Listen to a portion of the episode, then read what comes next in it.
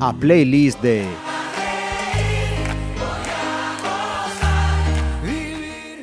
Benvenuti, que decía aquel, un viernes eh, más, eh, una- un programa más de estas eh, playlists, que tenemos hoy una persona a la que posiblemente, posiblemente, eh, le pongáis cara hoy por primera vez. Ahí lo dejo. Gonzalo Maceira Hermida, bienvenido. Hola Marisa, ¿qué tal? ¿Cómo estás? Tenemos eh, con nosotros a mm, una persona mm, dedicada por para la música total y absolutamente. Esa es la idea. Esa es la idea. Estamos trabajando en ello, como decían. Mm.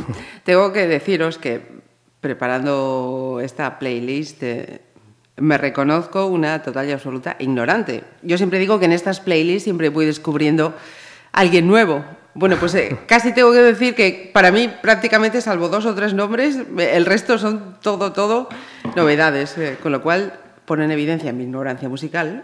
Pero Bueno. oye, siempre está bien aprender eh, cosas nuevas. No se puede saber de todo en esta vida. Pero saber de música, para mí, por lo menos, está bien. Eh, como otras muchas cosas, por supuesto. Pero descubrir cosas nuevas, me gusta. Gonzalo, eh, Pontevedrés. Sí, efectivamente. PTV de toda la vida.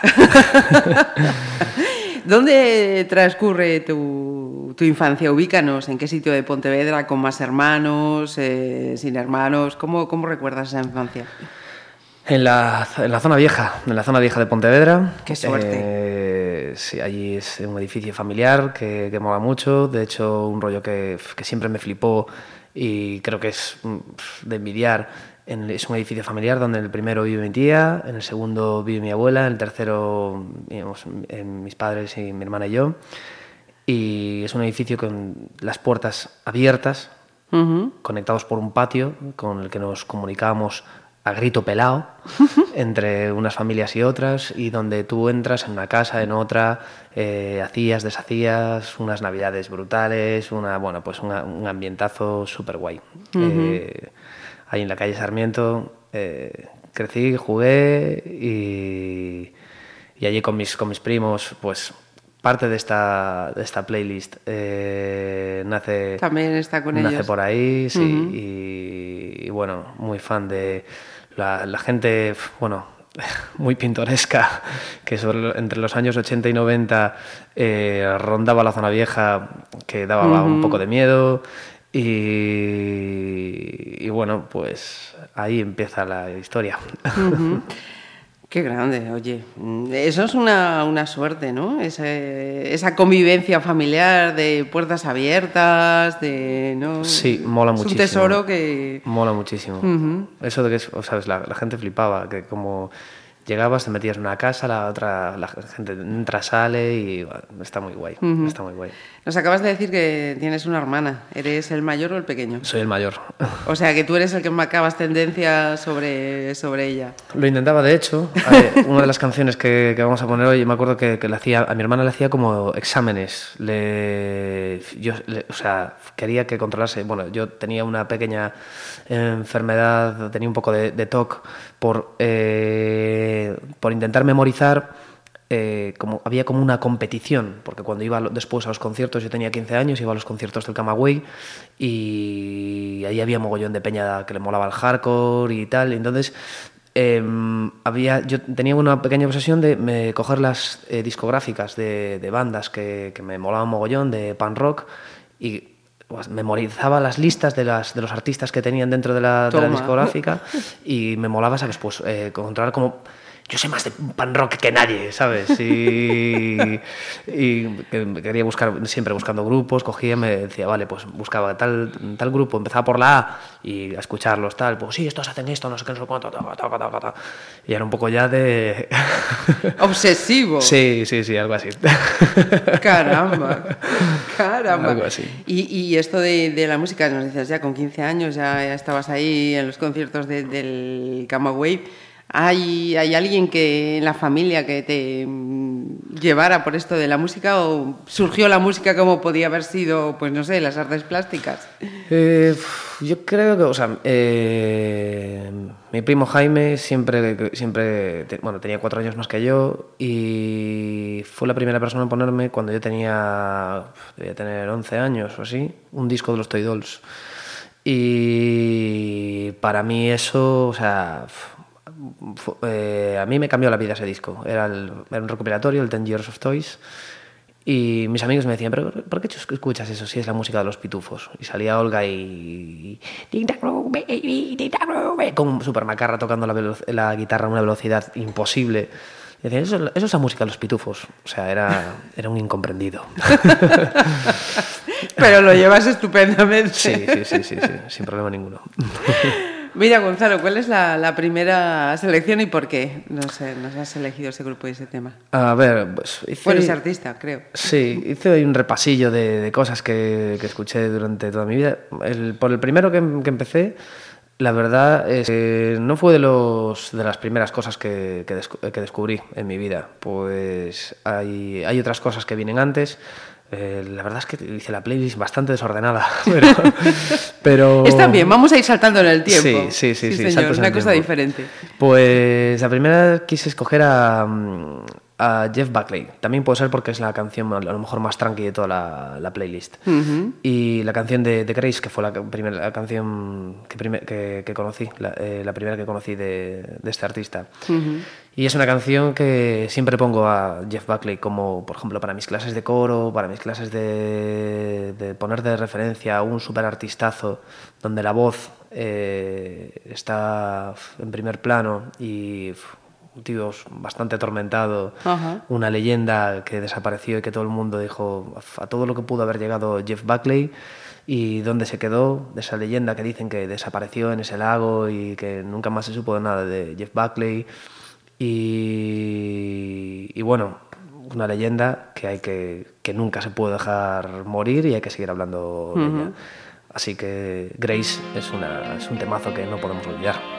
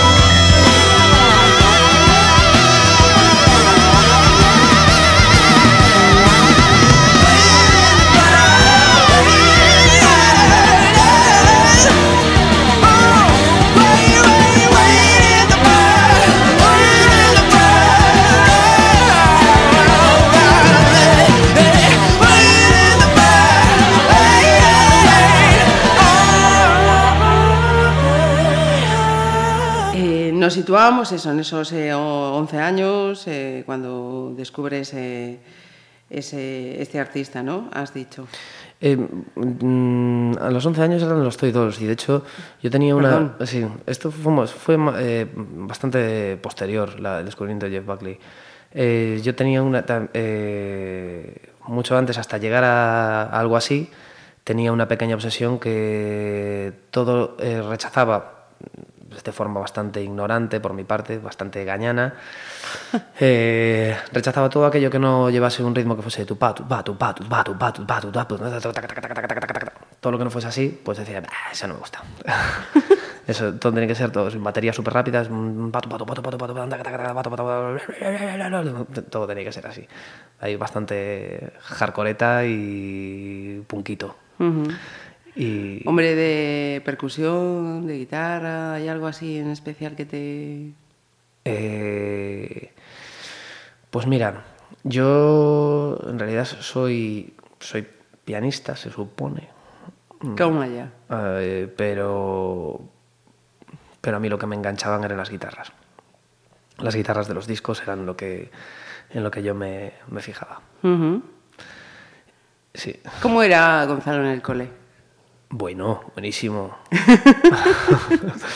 buenísimo.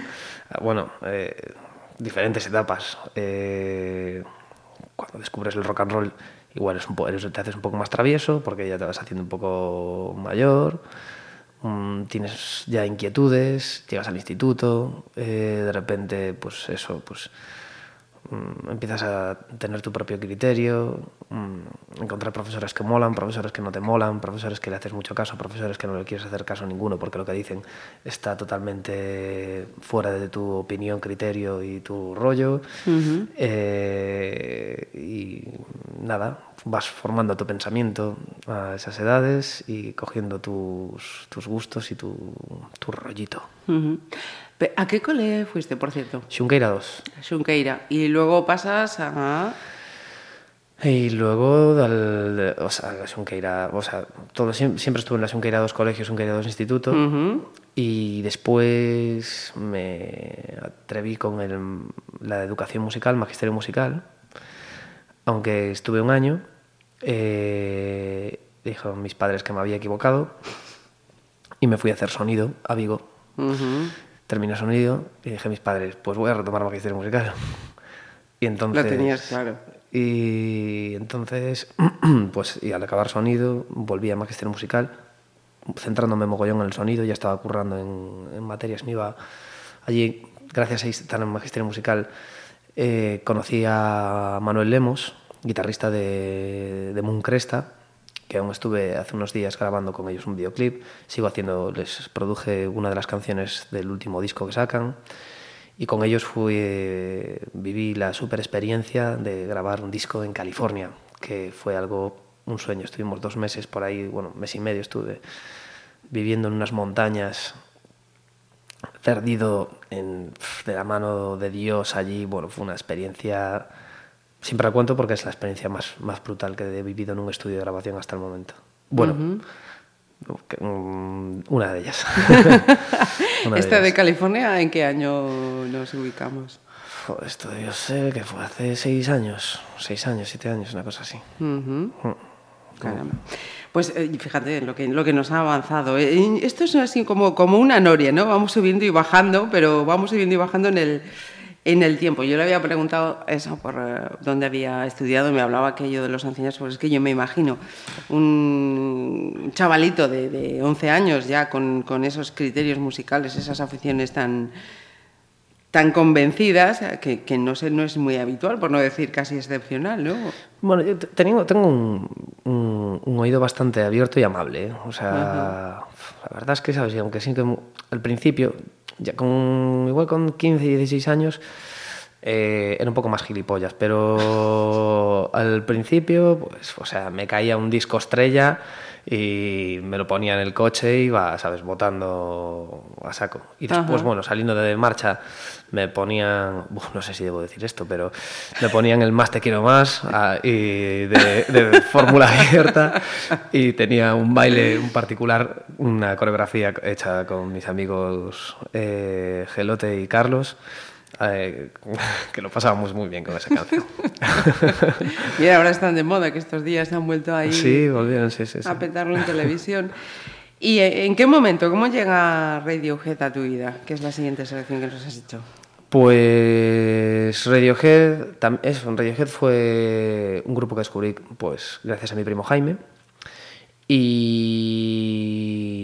y está, la verdad, o sea, lo puse, decidí ponerlo después de, de Jeff Buckley porque va para Tom York. Eh, está claro que Jeff Buckley es una referencia eh, y se le notan los, los, giros de la voz, mm, que se, parece, se, le aparece el fantasma de Jeff Buckley a Tom York. y, y, es un paso más adelante porque Idiotech eh, y Radiohead pues tienen como un, fue un desarrollo también de la música electrónica mezclado con el rock and roll que tamén a, para mí a nivel sonoro pues, es, un, es una referencia, verlos en directo, disfrutar esta canción en directo es, no tiene precio y pues teníamos que, teníamos que incluirla. ¿Ya has tenido ocasión de Sí, sí, sí, claro.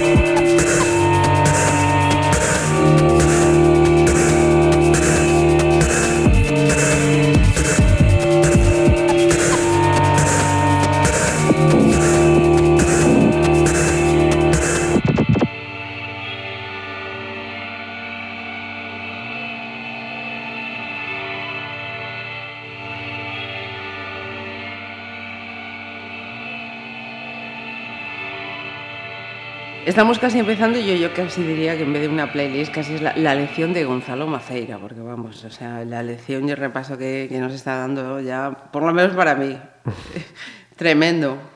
Eh, nos habíamos quedado eso en esa, en esa etapa ya mm, adolescente, casi 11, 15, vas al instituto y ya tenías, tenías clarísimo, vamos, que, que lo tuyo iba, iba por aquí. ¿Tus amigos cómo, cómo, cómo veían esto? Eh, hombre, lo ven muchas veces, ¿sabes? Te ven como, pues, no te ven nada más que, como un juego, porque al principio, eh, con mi compañero de mesa, con el cual no dejé de tocar desde el instituto, mi primera banda la monté con él, y, y que es Roberto Fernández, eh, cantante de Tractor Troy, y mm, de Ferbellas Berzas, guitarrista en Golden Cold y músico de la escena de Pontevedra mítico, pues con él era mi compañero de mesa y pues soñábamos a, a inventarnos nombres de, nuestro, de nuestros futuros grupos. El primero, teníamos uno que éramos los Flying Hammers, que habíamos hecho una especie de martillo volador y teníamos nuestro logo y dice, bueno, vamos a ser los Flying Hammers porque los martillos golpean y vuelan y no sé qué, no sé cuándo, y vamos a hacer rock and roll y tal. y teníamos toda la mesa pintada con, eh, bueno, con caras de profesores haciendo mm, cosas turbias y con martillos voladores golpeando cosas y todo lleno de martillos voladores, guitarras y eso. Tremendo, me lo estoy imaginando. Claro. ¿Y esa primera banda, decías, se llegó a llamar así? Eh, no, esa primera banda se llamó Ferbellas Berzas. Ajá. ujú. Sí. Dimos nuestro primer concierto, que teníamos 15 o 16 años, como Scorna Boys, pero nos dimos cuenta que había un grupo que ya se llamaba así. Entonces queríamos utilizar una palabra eh, compuesta, que el, el gallego tiene eh, palabras geniales, y Ferbellas Berzas, o sea, un chico nervioso, pues era el nombre perfecto para nuestro, que definía nuestro perfil de persona. ¿Y cómo es esa primera vez cuando te subes al escenario, Gonzalo? Pues guay, lo haces fatal. lo haces fatal, es todo, es todo horrible, súper ilusionante, mogollón de nervios. eh, tu familia ahí, ¿sabes? Ahí viéndote, eh, apoyándote y, y, ¿sabes? Pues mola, te crees que eres su- que súper guay, que estás a la altura de, de bandas de verdad. Pero en realidad, ¿sabes? Eres un pringao y, y- pero mola, mola mogollón, mola mogollón. Y tener ese recuerdo de, de haber sido un buen pringao y haberse, haberte esforzado por llegar ahí y esos nervios de salir y tal, pues es, es como tiene que ser y es la hostia. ¿Dónde, dónde era ese primer escenario? Eh, ¿Te acuerdas? Bueno, el primero fue en el instituto, en el- en- pero ya no, ya no lo cuento porque éramos, eh, un- eso fue, hacíamos versiones, cantamos versiones allí en el, en el, para- en el Paraninfo de la Junqueria 2. Pero de verdad fue en, fue en un concurso en, en el recanto de Farruco, eh, donde estaba bueno, nuestro amigo Gumer, y tocamos allí pues con 16 años y era una especie de concurso, el cual obviamente no ganamos. Casi nada. A veces, a veces lo- los, jurados se equivocan, ¿eh? Sí, en este caso no. Siguiente selección, Gonzalo. que Sí. también voy a aprender. ¿Qué Pues eh, Nine Inch Nails, el grupo que fundó Trent Reznor, que hace poco pues, ganó un Oscar por la banda sonora de, de ¿cómo se llama esto? De mm, joder, la película esta, la de la red social, la red social de Social Network. Ajá. Eh, pues un músico, productor eh, de referencia mundial. Y la, pues, pues después de, de Idiotech me parece que tiene pues una pues conserva un poco la esencia de esa de música en directo y súper sonido. De hecho, esta canción la descubrí con sacó una serie de ensayos que están colgados en YouTube donde ves, ¿sabes? O sea, pff, unos ensayos de coña que, ¿sabes? Suenan pff, a, a Cristo y ves, bueno, si, tren- si yo tuviese ese local de ensayo para mí, pues... bueno, Rompo la pana. Joder, macho, qué pasada. Pero bueno, siempre llevo una- un elenco de músicos mega bestiales, de super primera divi- división. Y, o sea, es que Nine Inch Nails es el sonido del futuro, o sea, sonar como ellos es una pasada.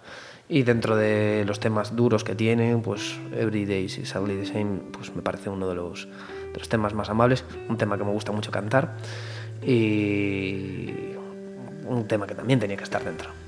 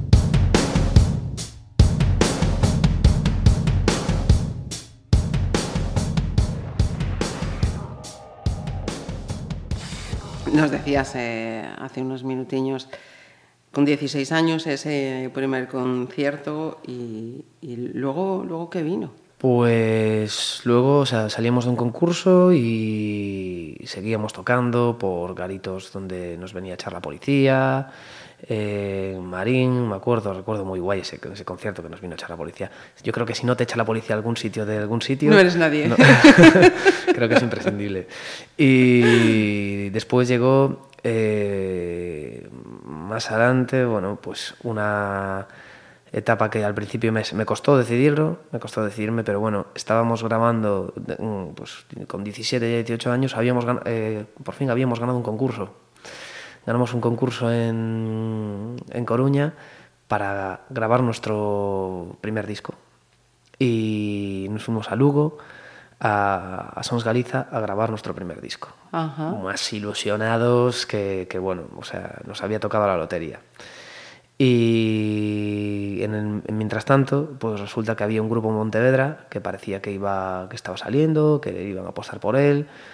Y yo estaba a su vez eh, tocando en, bueno, en varios proyectos. Estaba, me habían reclutado mi amigo Manuel Lemos de, de Nigrán. Eh, tenía un super, una super banda que yo flipaba. De hecho, iba a tocar con ellos bastante acojonado porque eran unos musicazos y eran los Maze Makers de, de Nigrán.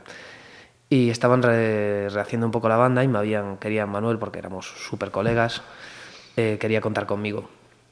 ¿Qué pasó? Pues que, que me llamaron los chicos de Amigos de Blas, que después serían los 4 de abril y resulta que iban a hacer un bueno pues iba a salir un proyecto ahí iban a grabar un disco parecía que había gente interesada y me reclutaron ahí me dijeron mira necesitamos un guitarrista eh, te unes al carro estaba Gerardo mi primo que iba los estaba llevando. Y me dijo tienes que estar en este proyecto vamos a sacarlo ahí tal vamos a ir a grabar a Madrid vamos a pues, una experiencia nueva Mm, a pesar de que yo le preguntaba a mi amigo Manuel, oye Manolo, tío, ¿qué hago? ¿Me voy para aquí? ¿No voy para aquí? Me decían, no vayas. Eh, eh, le preguntaba a mi madre y mi madre me decía, ay, a ver si haces música un poco así más tranquila de una vez, por favor. Y decía, vale, mamá, todo el mundo me dice que no, tú me dices que sí, ¿qué, qué hago? Y al final dije, bueno, mira, pues vamos a atrevernos porque estas cosas hay que, hay que aprovecharlas. Hay que aprovecharlas y a pesar de que, ¿sabes? No era un estilo en el que, pues también pude darle mi rollo y la verdad es que viví una experiencia cojonuda. Uh -huh. Y allí nos fuimos, aprendimos, pues, pues mira, fichamos con Warner. Eh, pues tira, vale, pues a tirar para adelante. Y vivimos una temporadilla súper guay, en la que yo tuve que dejar Ferbellas Berzas, yo uh -huh. era el cantante de Ferbellas Berzas, y grabé el disco, y a partir de grabar el disco, me, pues un, un poco condición de un 4 de abril me dijeron tienes que estar solo en 4 de abril. Eh, con lo cual tuve que decidirlo para dejar mi grupo del instituto. Uh -huh. No fue, o sea... Duro. Sí, sí, sí que, sí que, sí que, sí que fue. Uh -huh. Y dejarlo todo por estar allí tocando con, con ellos. Y bueno, ya te digo, una experiencia brutal, genial, que lo volvería a hacer. Uh -huh. Lo volvería a hacer. Y volvemos a la playlist entonces, antes de seguir conociéndote un poquito más eh, a fondo, ¿qué nos has elegido para continuar? Sí. Eh, pues una, una, banda que es, o sea, es una banda que está actualmente en funcionamiento y tampoco tiene, bueno, tiene ya unos cuantos discos. Me parece una bandaza, un poco dura, oscura, eh, también como viniendo un poco de Nine Inch también tienen, juegan bastante con la electrónica, melodías de voz bastante encabritadas, ¿sabes? No, son fáciles, pero bueno. Vamos a escoger la canción más... Eh, a lo mejor más, más rockera, más con más ritmo de, de los TV on the Radio, que es una banda neoyorquina de bueno, que, es, que merece la pena muchísimo conocer. Y otra canción, como no, que me canto mucho, que me gusta mucho cantar. Si la llevas al acústico, mmm, es una canción brutal y es el tema de Wolf Like Me.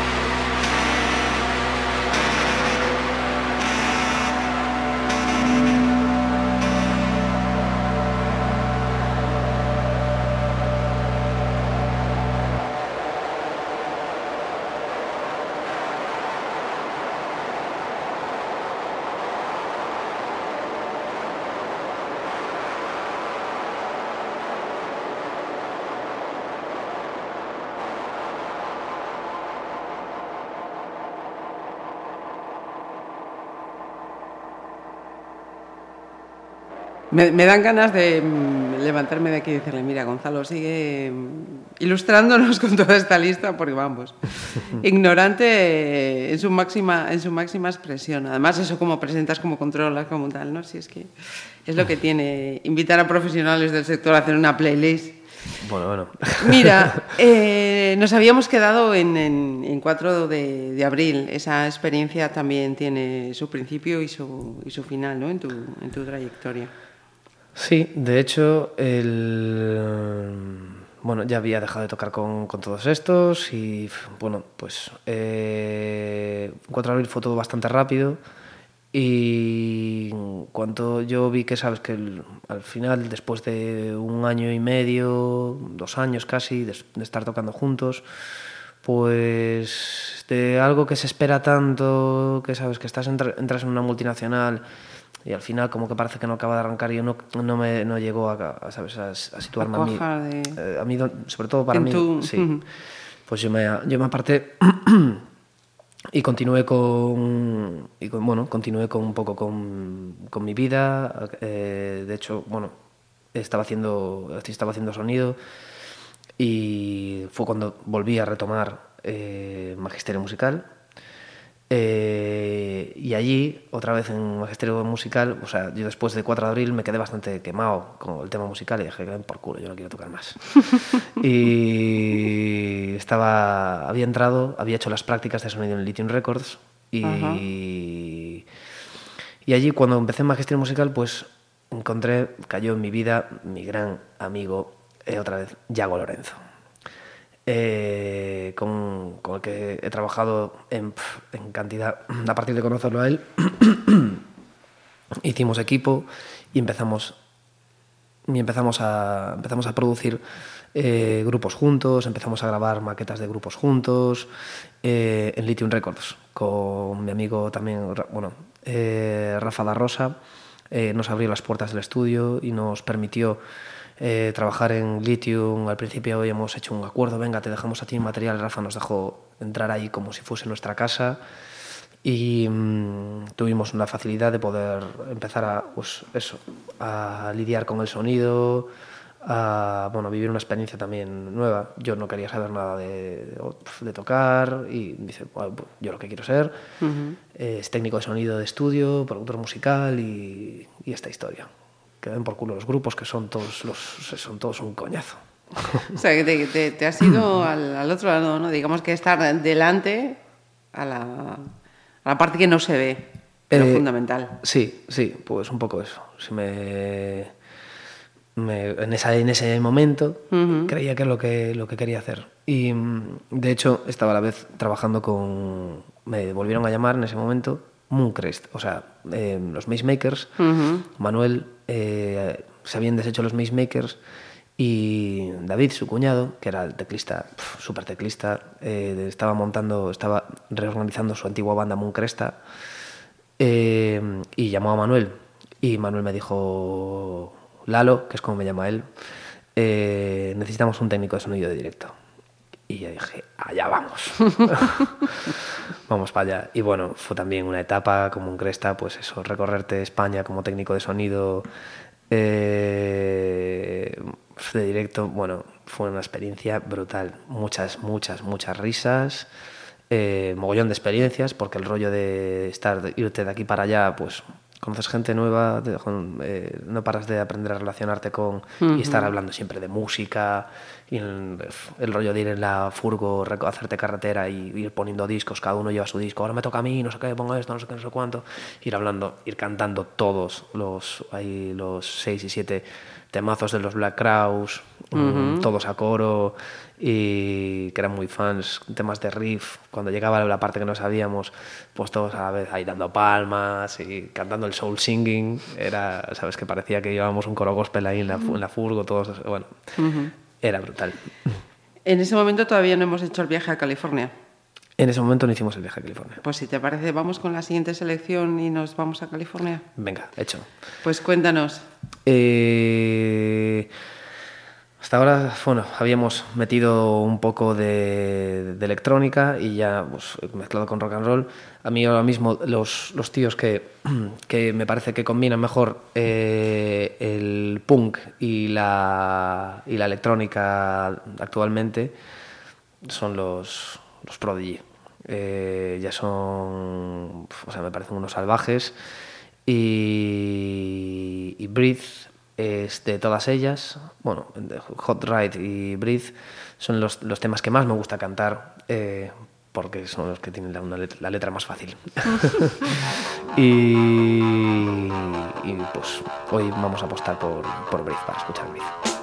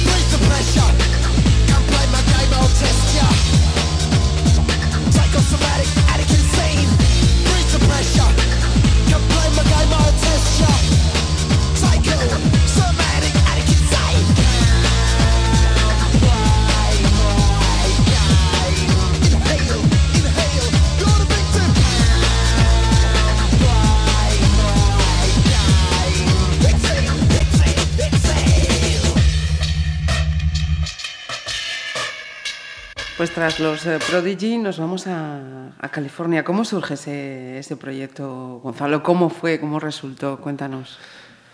Pues fue, fue increíble. O sea, un Cresta cuando deciden embarcarse ellos con un par de huevos, deciden, vale, pues nos vamos a ir a grabar, a- vamos a coger, vamos a buscar una productora que, que nos mole y vamos a, hacer, a, vivir un, a vivir un viaje pues increíble. Y, sabes, a mí me lo habían contado y, dijeron, bueno, hemos escogido a Silvia Masi. Silvia Masi tiene un estudio en Weed, en las montañas de, California. Silvia Masi ha currado con, el Blood Sugar Sex Magic de los, de los Red Hot. eh, produjo uno de los últimos discos de la trilogía de Johnny Cash. eh, con Prince, con Julio Iglesias. Eh, pero bueno, con, con Riff había, había producido el- o había sido ingeniera del último, de, de uno de los discos de Riff, no me acuerdo cuál. Banda que me flipa, era, ¿sabes? Pues era todo referencias brutales de- del rock and roll. Con Tool había currado también. Entonces, eh, de hecho, tenía un, un vídeo guapísimo que tenían los Tool grabando, me lo habían puesto y yo estaba flipando. Yo, bueno, yo voy a estar ahí. Bueno, no me lo creía. Eh, un vídeo que te- salen los Tool colocando un piano y los eh, querían grabar eh, los Tool una pues el sonido de una escopeta reventando un piano. Y, y habían puesto un mogollón de micrófonos y tal y sonaban el ¡pum! lo metían como un elemento percusivo como efecto dentro de una canción. Bueno, una salvajada. Yo ahí con los ojos súper abiertos y yo ¡buah! y en el momento que me dijeron Lalo, quiero, queremos que, que vengas con nosotros y que tú produzcas una de las canciones del disco bueno Yo- ¿Para qué quieres más? yo estaba, ¿sabes? Eh, pues, pues, o sea, ellos, eh, como sabes, eran mis- son mis hermanos, eh, los adoro y gracias a ellos también pude vivir una experiencia única. Y allí nos fuimos y, y bueno, nos- Silvia Masi se hizo dueña de un pueblo, básicamente, un pueblo, un pueblo perdido de la mano de Dios donde eh, está, creo que recordar que el pueblo, o sea, la ciudad grande más cercana está a 600 kilómetros, una cosa así. O sea, te a tomar por culo. Y- Básicamente, kilómetro sí. arriba, kilómetro abajo. Sí. Y, y entonces esta tía lo que hizo es pues se compró pues se compró la iglesia del pueblo, el teatro del pueblo y en casitas alrededor y en todos en todos esos espacios eh, construyó estudios de grabación. Ajá. Entonces nosotros nos ubicó en una casa que tenía su propio estudio de grabación.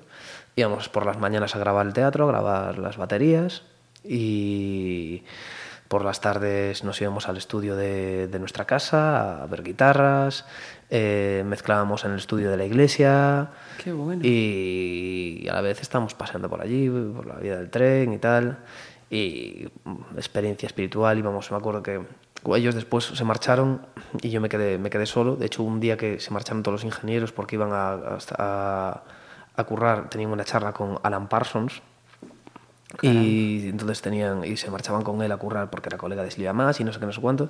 Y yo me quedé solo. Yo tenía mis llaves de la casa, tenía, estaba un asistente allí en el estudio y me quedé solo en el pueblo.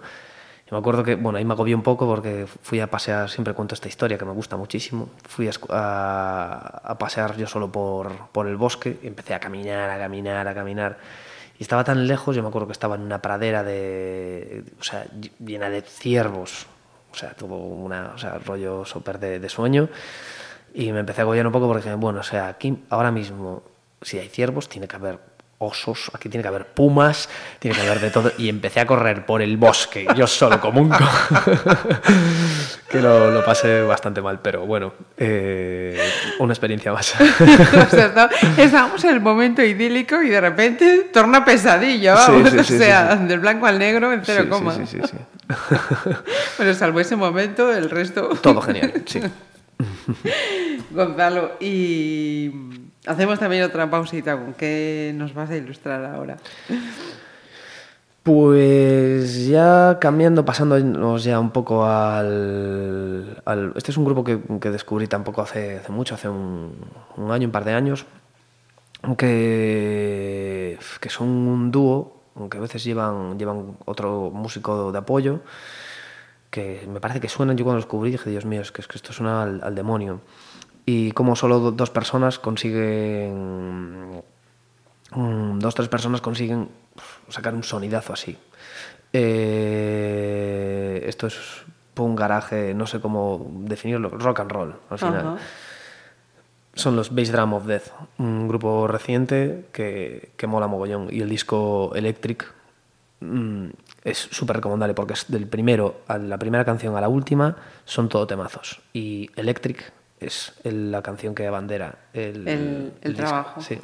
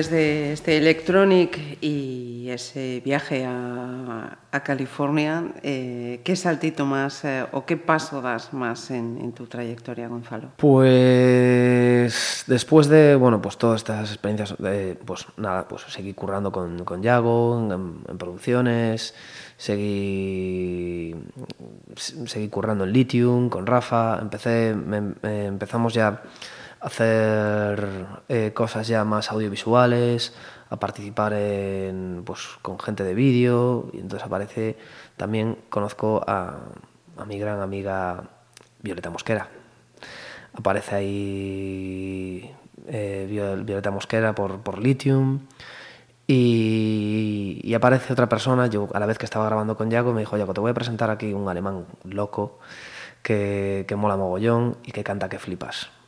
Lo cual, o sea, en cuanto abrió la boca yo me quedé, o sea, se me partió el corazón y dije, Dios mío, yo quiero tocar, yo quiero montarme una banda con este tío.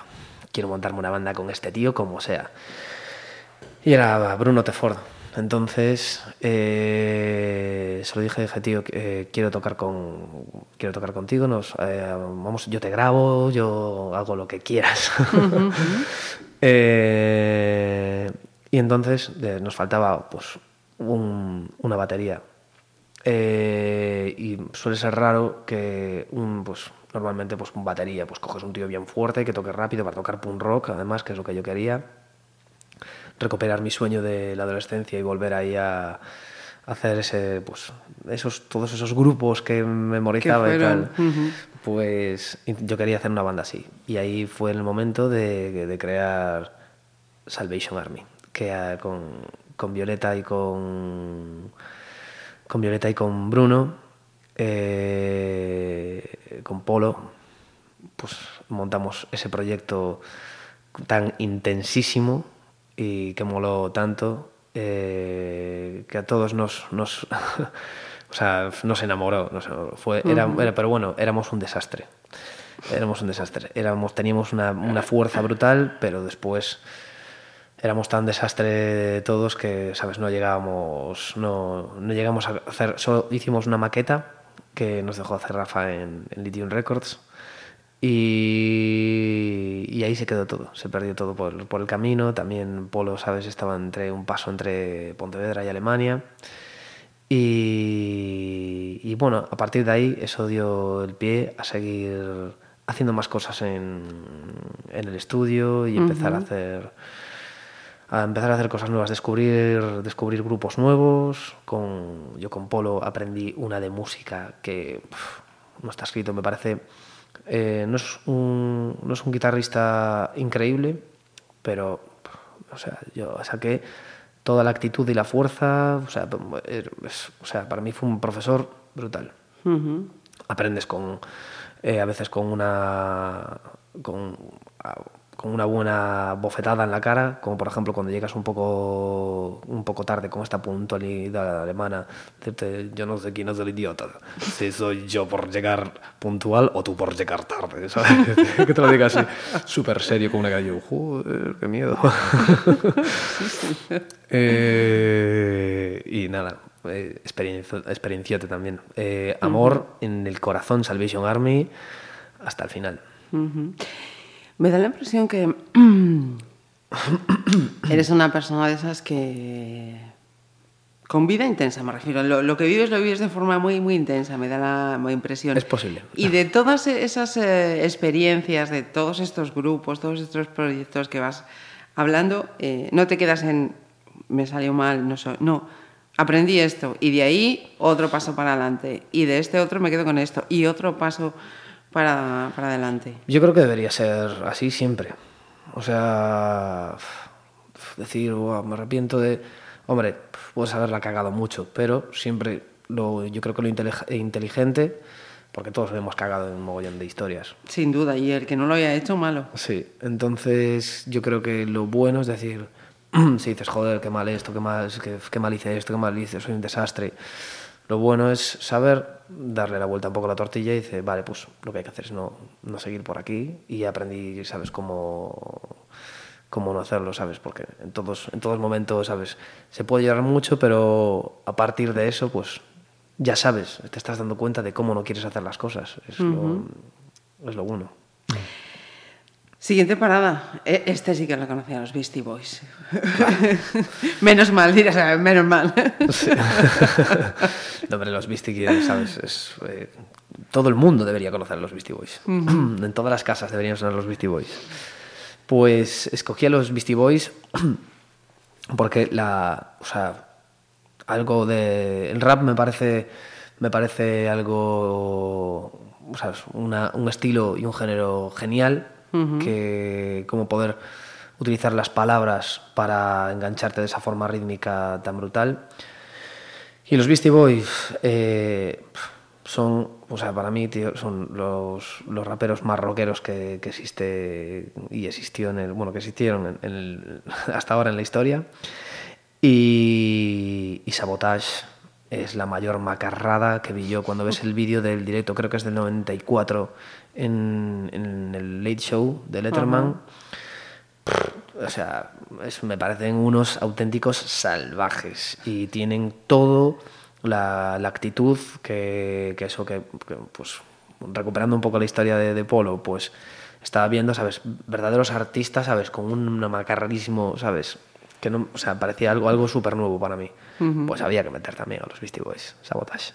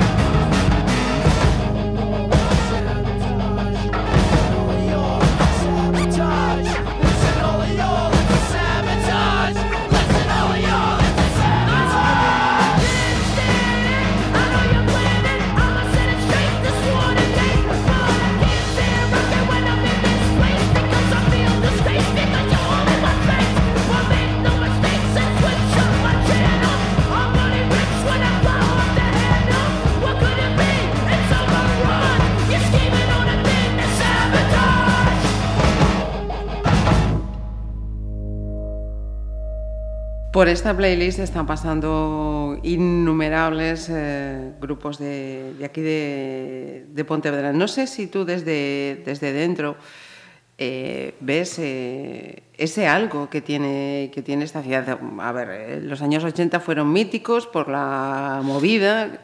Aquí en Galicia se habló de, la movida de Vigo, pero creo que ahora, en, en- en esta década, por lo menos de- desde 2000 en, en adelante, Pontevedra es una cantera de, de grupos brutal. No sé si hay algo que, motive, que motive esto o tú desde dentro nos puedes dar alguna pista. Eh, Pontevedra yo creo que siempre, eh, siempre tuvo inquietudes, pero al final, como cualquier otra ciudad, lo que, lo que sí que ha hecho, sí que hay un grupo determinado de gente que ha impulsado proyectos, traer, eh, traer gente de fuera a tocar.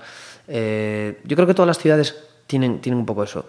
Lo bueno que tiene Pontevedra es que me parece que sabes que tenemos la suerte de que tenemos desde bueno pues desde la organización local em, tenemos hay propuestas nuevas y hay mm, apuestas por la cultura que no pasan en otras ciudades Eh, desgraciadamente la gente no se da cuenta siempre me da mucha rabia como en, pues, en Estados Unidos en Inglaterra pues eh, una de las, de, las, de las potencias más grandes que hay es la industria musical. Aquí no hay industria, no existe. y ¿sabes? se generan una cantidad de puestos de trabajo brutales a partir de eso. Entonces, es una pena que, por ejemplo, propuestas como el local de música en Pontevedra una propuesta bestial que se hace a través del concello, donde además a los chavales se les enseña pues, una escapada la- eh, laboral que, que es, que es real, desde el mundo del espectáculo, desde el mundo de la producción, de la- desde el mundo de la organización de, de eventos, la desde el mundo de- de crear cosas para, para la sociedad, de crear desde cero y tal. Entonces ahí entra en papel pues un campo muy grande para, para gente que tenga un proyecto, una idea en la cabeza y que, que vea la posibilidad de llevarlo a cabo. A la vez también están saliendo un mogollón de, de propuestas de, eh, formativas de chavales más jóvenes, donde eh, que lamentablemente a través de la, en la educación no existen, no existen. Y entonces te aparecen de repente propuestas desde el teatro, eh, hay un mogollón de actividades de, de teatro que, ¿sabes?, están abriendo la mente a mogollón de, de gente súper joven, que de repente, ¿sabes?, dicen que, ¿sabes?, pues, pues son creas personas creativas y con ganas de, hacer, ganas de hacer cosas, ganas de aprender a participar, de saber crear equipos. Y entonces cuando la gente se, se junta, Esa motivación ya... la gente canta. Sí, sí. Después de Salvation Army, ¿a dónde te depara? Después de Salvation Army, un poco a la par que Salvation Army, eh, pues se forma hace cuatro años, pues eh, Tractor Troy. Pues mientras que estamos en el estudio con Rafa, eh, montamos, pues empezamos Rafa, Robert y yo por las noches. eh, pues eso, pues estamos un poco también ociosos, como el trabajo de la producción, eh, pues aquí también, pues al final no deja, eh, por, por mi parte en ese momento eh, grababa pues menos de lo que yo quería, pues aprovechaba el tiempo y pasaba mis noches en, en Lithium eh, grabando, pues grabando mis canciones, produciendo, buscando cosas nuevas, haciendo el friki, pues mm, y pues hasta las 7 de la mañana estábamos allí encerrados en el control, eh, probando guitarras, probando micrófonos, haciendo pues y al final pues como estábamos nosotros allí eh, eh, aprovechamos y le dimos, empezamos a hacer canciones. Dijimos, vale, pues vamos a hacer una canción a lo loco para Eurovisión. Y, Toma, ¿sí? Sí, lo intentamos. y, y entonces a partir de ahí, eh, a partir de intentar hacer un petardazo para Eurovisión, de, totalmente de coña, que era la canción de las chicas de Bastrop, sale esta banda tan, tan divertida. O sea, de repente, bueno, somos Rafa, Robert, Robert, mi amigo Robert, con el que había estudiado y había formado Ferbellas Berzas. Pues Manuel, el de Moncresta, siempre me dijo, tío, tú tienes que montarte una banda con tu colega Robert. Otra vez. Y así fue. Llamamos a, llamé a Robert, dije, vente por el estudio, no sé qué, vamos a meter aquí y vamos a hacer una, pues, una especie de Beck, vamos a hacer una especie de Kid Rock y con medio electrónico y tal, que ahora ya, ya no tiene nada que ver con eso, pero vamos a hacer algo así medio electrónico con slide para, bueno, para un rollo divertido y tal y cual. Y ahí nos metimos en el estudio y llamamos a, a Iñaki, a mi hermano Iñaki, y, y montamos Tractor Troy. Un, un no parar lo de este hombre. Vamos a hacer otra pausita y aprendo. ¿Quiénes son Helicopters? Helicopters, pues una bandaza soca de, rock and roll, eh, donde las guitarras, eh, las guitarras, ese piano, yo que bueno, el teclista de Helicopters, que es el teclista más vago del planeta, que solo parece que le da a dos teclas, pero con mucho, mucho estilo. Eh, una de las bandas que me enseñó también mi amigo Manuel de Moncresta, cuando tenía 17 años, que yo no lo conocía y decía, pero yo cómo no puedo conocer este grupo si es una bandaza. Y, y By the Grace of God eh, es una canción que empieza con ese pianista vago y ya con un golpe de guitarra ah, que te deja frito.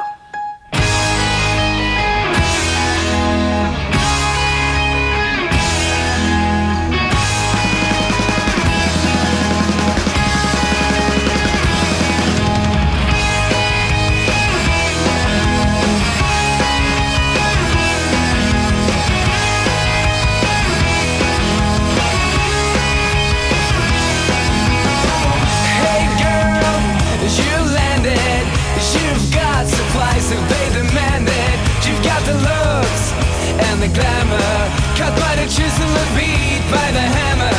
And they're naive, so they believe it. And they will act like dogs when they receive it. Through the darkness and the haze,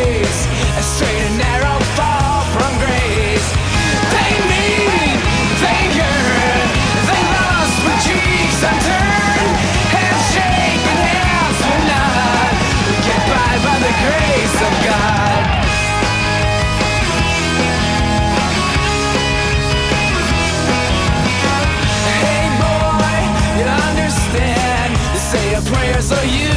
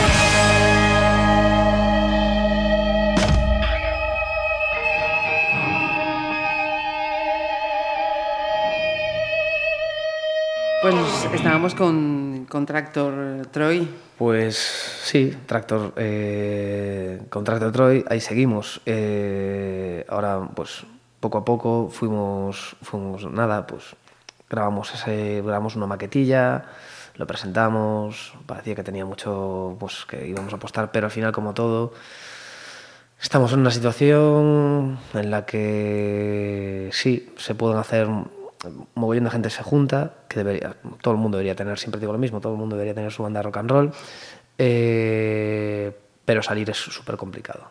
Grabarte tu disco es súper complicado. Eh, tienes que apostar y dejarte una pasta porque grabarte una maquetilla al final mm, a veces no deja de quedarse como una maqueta. Nosotros teníamos la suerte que teníamos Lithium Records para poder trabajar. Rafa estaba dentro del, del proyecto y entonces también ahí en ese momento decidimos eh, llamar a, a, Yago, a Yago Lorenzo. Ujú. A Yago De Lorenzo. nuevo. Sí, a, a- a mi colega Yago. Entonces Yago nos ayuda a producir ese disco. Eh, mm, teníamos intención de hacer, como no teníamos las cosas claras y al final montarte un grupo con adultos es muy complicado. Eh, pues eh, empezamos a grabar, hicimos el disco que se llama Perro Mandril. Eh, y ahí se quedó, y ahí se, o sea, sacamos el disco con mucha ilusión, lo presentamos, pero también teníamos bastante complica- complicaciones para tocar, o sea, empezaron ya, nos vamos haciendo mayores, Bueno, bueno. y entonces eh, hay que también buscar eh, un poco, hay que buscarse la vida y todos empezamos a currar, todos, ¿sabes?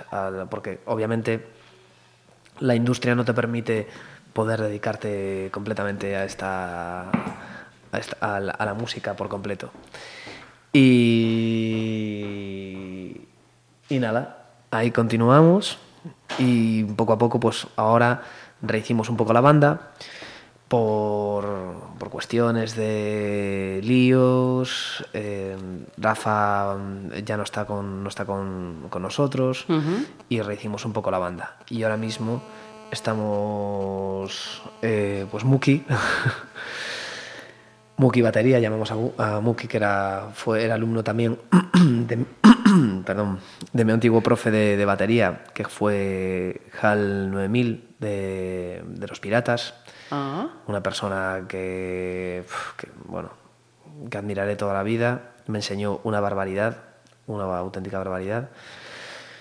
Y llamamos a Muki, por, también a mí me, me apetecía, pues cuando me dijeron que, que había un, un chico que era alumno de HAL, necesitábamos un batería, os dije, Dios, alumno de HAL, para adentro, que pase. Y nada, pues después eh, también habíamos llamado a, al principio, cuando habíamos formado la banda, teníamos en las filas como bajista a Pedro Berbel, que también después tuvo, él decidió dejar la banda porque también tenía complicaciones, que no sé qué, no sé cuánto. Entonces dije, eh, yo me acuerdo de un bajista muy guay con el que me fui a California, vamos a llamar a, a Quique, a Calzonetti, para que nos venga de bajista. Y ahora pues estamos eh, Quique, Muki, Iñaki, Robert y yo. Y con pretensiones ahora mismo de, de grabar este año un, un segundo disco. ajá. Pues atención, oye, esto no se sabía. Lo podía. Sí, creo, creo, creo que me dejan decirlo. sí, sí, me, me dejan decirlo, me dejan decirlo. Sí, vamos a grabar segundo disco. Pues lo que yo no me atrevo a decir, o al menos a pronunciar, es el- la siguiente selección que nos has hecho. Pues sí, eh, para rematar vamos a ir poniendo un poquito de velocidad. Siempre dije que me gustan las bateras aceleradas y estos un poco escateros, pero dentro de, este estilo son los que más me, los que más me gustaban. Y vamos a acabar por los inicios que eran cuando escuchaba yo los me, me mascaba todos los pancoramas de y estos salían en uno de los pancoramas, me parece que en el 4 o en el 5, me parece. Y son los Voodoo Glow Schools con pues una banda de trombones, trompetas, baterías y música a toda pastilla con su canción Delinquent Song.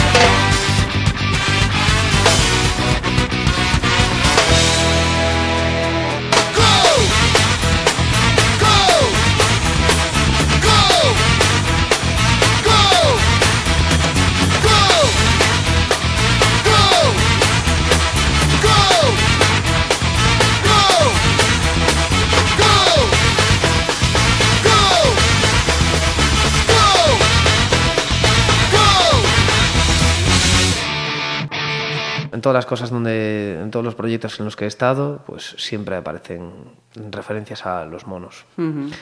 ¿Y Yo- por qué? Esa, esa- ¿Siempre esa, ha sido algo premeditado, buscado o algo circunstancial que de repente has dicho, leches, ahí está, tengo que... No, de hecho, de hecho, yo empecé cuando empecé a trabajar, bueno, estaba con, con Tractor y empecé a trabajar, yo había estado currando en una empresa de sonido que me había, me había enlargado y bueno, por, por motivos mm, desde mi punto de vista bastante injustos y estaba bastante desesperado. Dije, bueno, pues a tomar por culo, tengo que buscarme la, la vida, voy a empezar a dar clase de música. Ajá. Y empecé a dar clase de música y cada relacionando todos los, los aspectos en los que yo tocaba como músico, como eh, tocando varios instrumentos y mezclando la parte de educación musical, de magisterio, con la parte también de producción musical, grabando Ajá. todo y produciendo todas las actividades que hacía.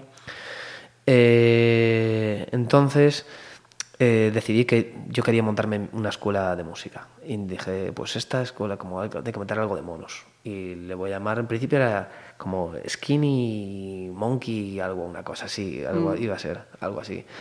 Y al final, pues dije, pues esto se va a llamar eh, Furious Monkey House, la casa de, lo- de casa de monos furiosos. Quiero que sea una escuela don- donde sean, bueno, pues aparezcan ahí monos. Entonces, Empecé, pues propuse uno de los talleres, yo tenía varios, eh, daba extraescolares por, por todos lados. y en varios talleres pues fui rescatando a chavales y dije, bueno, pues vamos a montar, quiero montar un proyecto. Pues eso, como relacionaba todas las cosas, siem- siempre me llevaba al final eh, el grabador, voy iba con mi grabador a cuestas, iba ahí, uf, cargando. Tengo unos problemas de espalda que flipas. Yo creo que en parte viene por Viene eso. de ahí. Sí, eh, fui yo con, uf, con, eh, tres pies de micrófono en una mano, la guitarra en la espalda, mochila con el ordenador y el grabador colgado de otra. Así, Dios mío, pare- parecía Papá Noel.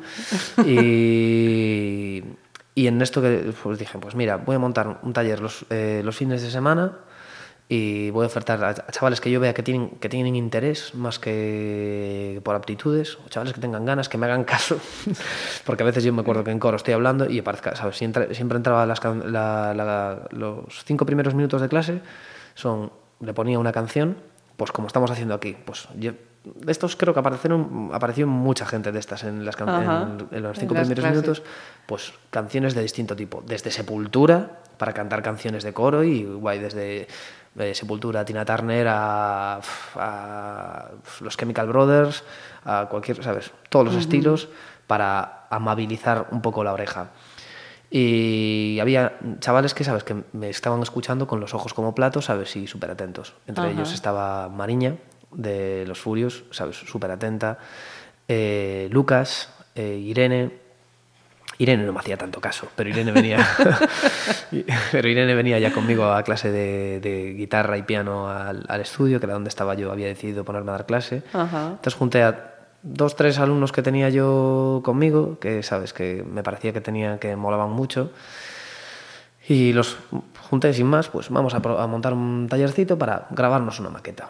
A ver qué, qué pasa. ¿Qué pasa? Y, Y la que pues, se montó. Y la que se lió. Y la que se lió.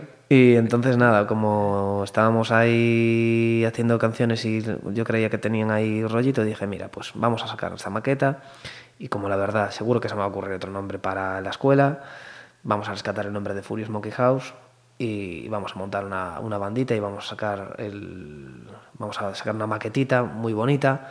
Llamé a mi amigo de toda la vida, a Luciano Santiago, y le dije, Chano, quiero que me construyas una, una maqueta, que de hecho lo, hi- lo hicimos, el- y lo hizo que no salió porque era, muy caro, pero la tenemos construida y todo. Pues con- digo, quiero que me construyas una casa que sea, que se monte de estos, como abres un libro y lo montes, Sí, ¿sabes? De estos que, que molan mogollón. Y quiero que me construyas esto para, mm, bueno, para, el- para sacar una maqueta con los niños y hacer cinco cancioncitas y que abras un librito y que se construya una casita así toda bonita y tal. Y que con los niños por dentro, una foto Ajá. recortada de los niños por dentro. Y lo, lo hizo, o sea, de hecho existe eso. y, y entonces sacamos la maqueta y fue brutal, o sea, escuchando la maqueta, yo estaba súper ilusionado y dijimos, joder, es que esto hay que hacerlo, hay que hacerlo en forma de disco. Y fue cuando le propuse a los padres eh, decirles, vamos a grabar esto y en, guay. Vamos a hacer un disco de esto. Ese va, el si- va a ser el siguiente paso. Ya acabó esta etapa, conseguimos grabar una maqueta, mola muchísimo. Eh, pues vamos a intentar ahora, todo hecho por ellos, además. Brutal, unos cracks. Y súper motivados todos. Y dijimos, bueno, pues vamos a hacer una- un disco. Y en el medio volví a llamar a Yago Lorenzo. Eh, tío, y, y si grabamos esto en, en Abbey Road. Y lo, os lo digo por teléfono y se descojona de risa.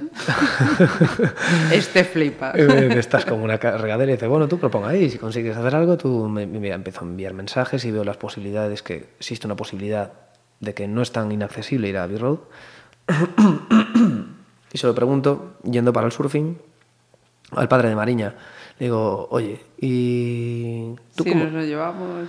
¿Tú qué? ¿Tú verías muy descabellado hacer grabarnos, hacer una excursión a Inglaterra? Todos, hacemos una excursión y yo lo, lo preparamos todo guay, vamos con un equipazo ahí de, de gente guay y vemos cuánto cuestas y tal y lo vemos la fórmula de, financiarlo y tal y cual. Y me dijeron, oh, tú proponga ahí, a ver qué, a ver qué pasa. Y lo propuse y los muy locos me dijeron que sí. Entonces yo financié una, una parte grande, ellos también, y entre todos, eh, pues, lo, entre padre, entre yo y los padres, pues nos financiamos un viaje a Abbey Road.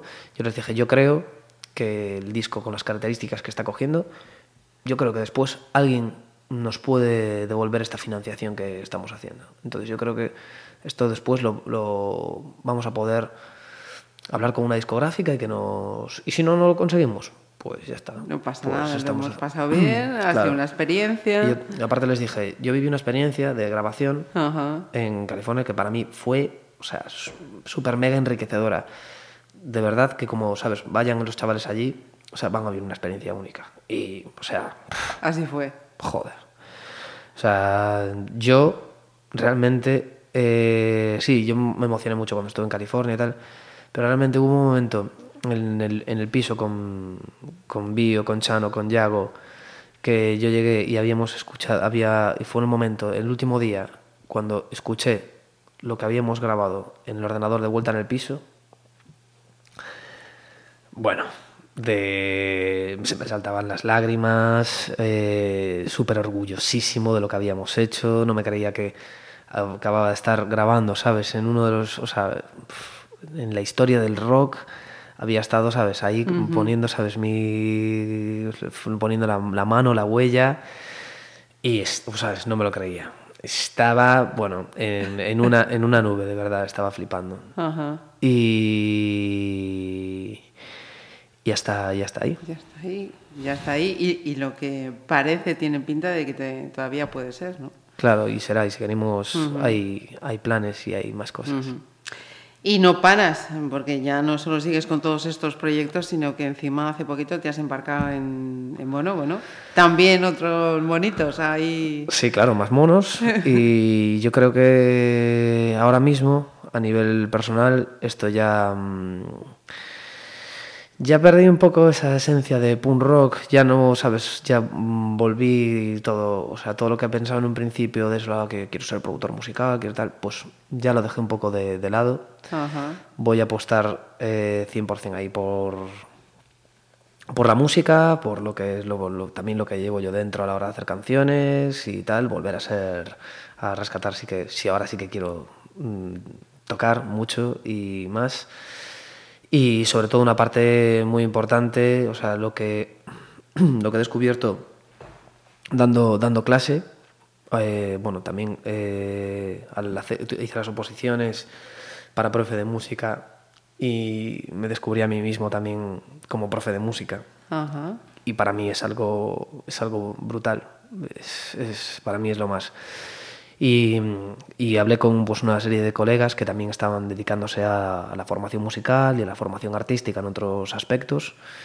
Y ahora esto es mi, mi verdadero proyecto de futuro, que es crear una escuela, sobre todo una escuela para donde todo el mundo, ¿sabes? Todo eso que yo quería hacer, todas esas intenciones que tenía hacer, que quería hacer desde pequeño, cuando dibujaba en la mesa eh, los martillos voladores hammers, sí, y sí, sí. cuando eh, pues eso, quería grabar mis ideas y no podía, pues cuando, pues ahora lo que quiero hacer es crear un sitio para que toda esa gente que tenga esas ideas, esa peña, esa peña joven que sabes que no se encuentre, pues dárselo, dárselo y crear una escuela para la ciudad de Pontevedra donde salgan esos superartistas en potencia que a lo mejor se quedan en nada por miedos, por incapaz de poder hacerlo y por, y por todas esas, esas cosas.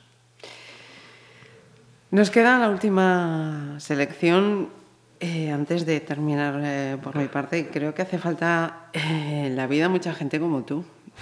Y no, no te lo digo, no te lo digo por, por quedar bien, pero eso de que un chaval de, de 11 años tenga un sueño, que lo consiga y que siendo tan jóvenes como eres eh, digas, pues ahora quiero dedicarme a que otros chavales también consigan sus sueños como lo conseguí yo.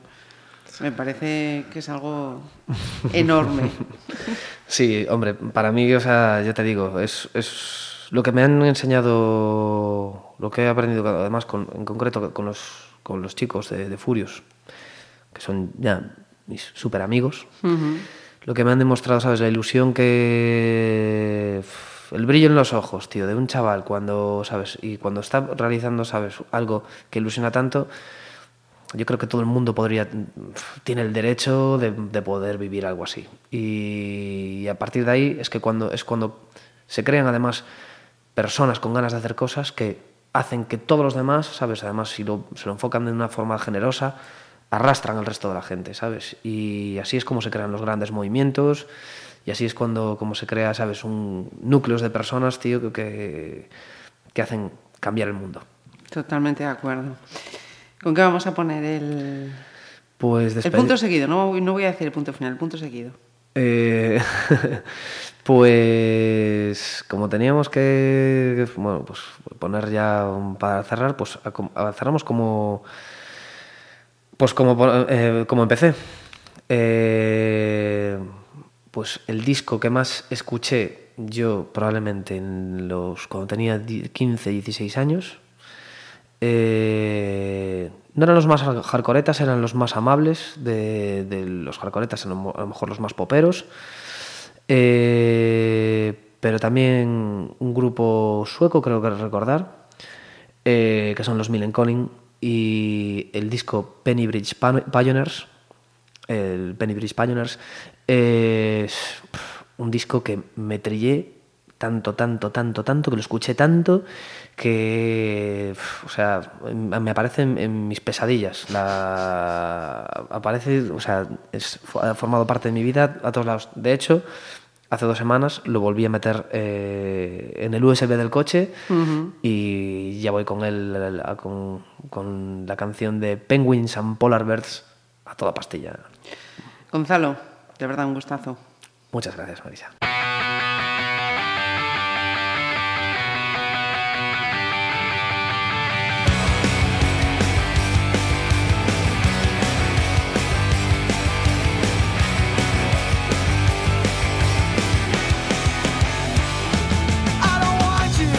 You to know too much about me.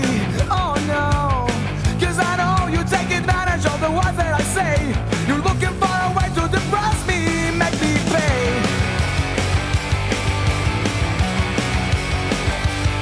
You don't want me to be too close around you. Cause I would see all the weeks that, that you got that what you're trying to hide.